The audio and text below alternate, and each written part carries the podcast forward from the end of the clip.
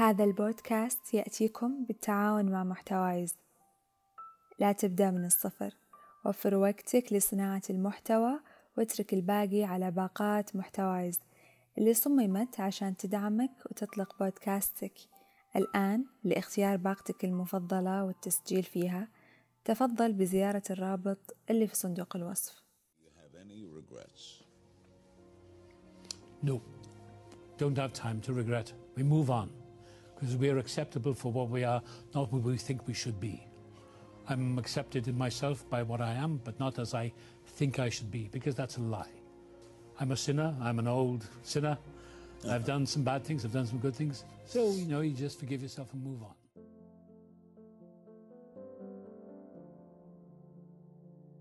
هذا جواب الممثل أنتوني هوبكنز لما سأل أحد المذيعين هل لديك أي شعور بالندم؟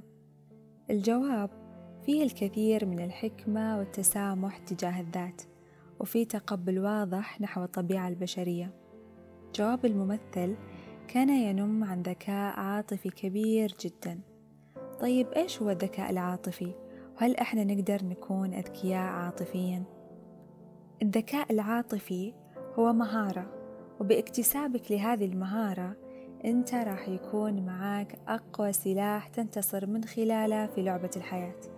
وكونها مهارة مكتسبة أنت تقدر توصلها بالتعلم. الذكاء العاطفي مكون من جزئين رئيسيين الذات والمجتمع. بداية مع وعيك بذاتك وفهمك لمشاعرك. إحنا كبشر نصيب ونخطئ ننجح ونفشل. تمر علينا أيام نكون فيها أسعد الناس. وأيام ثانية يكون فيها الحزن أشد مما نتصور. المشاعر تاخذ حيز كبير من حياتنا تؤثر على كل كبيرة وصغيرة في اتخاذ قراراتنا أكثر من التفكير أحيانا أو على الأقل تتساوى معه. وهذا بحد ذاته سبب كافي إن نبدأ نتعلم كيف نديرها.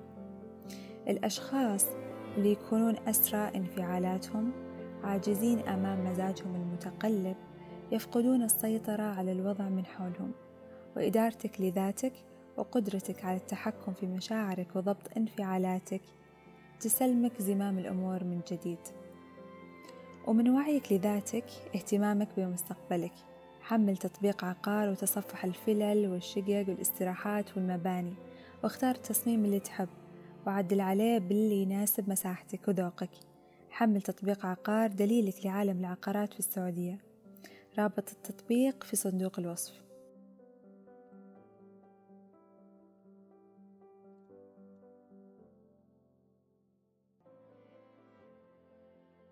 هذه تجربة بسيطة راح نسويها مع بعض نستكشف من خلالها مستوى ذكائنا العاطفي.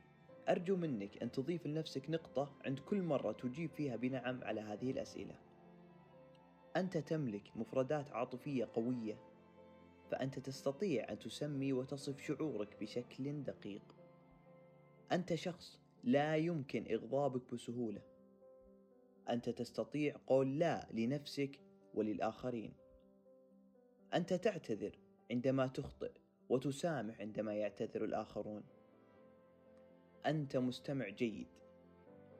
أنت تستطيع أن تخرج نفسك من المواقف المحرجة بسلاسة ومرونة.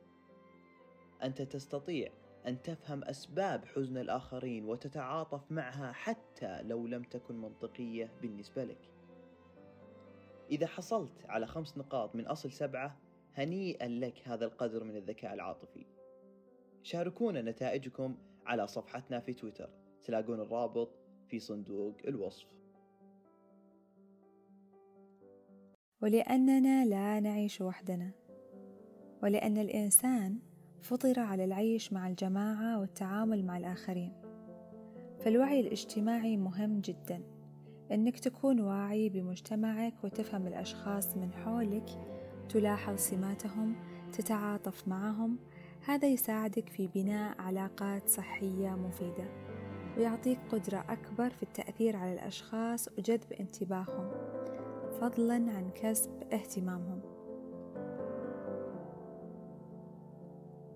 تأثير ممارسة الذكاء العاطفي على حياتنا جدا كبير.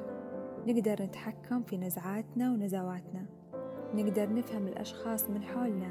ونقدر نقرأ الأحداث ونفسر المواقف.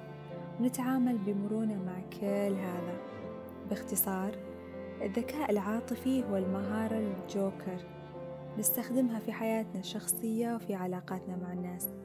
أنا عبير عبد العزيز وهذا بودكاست عطر.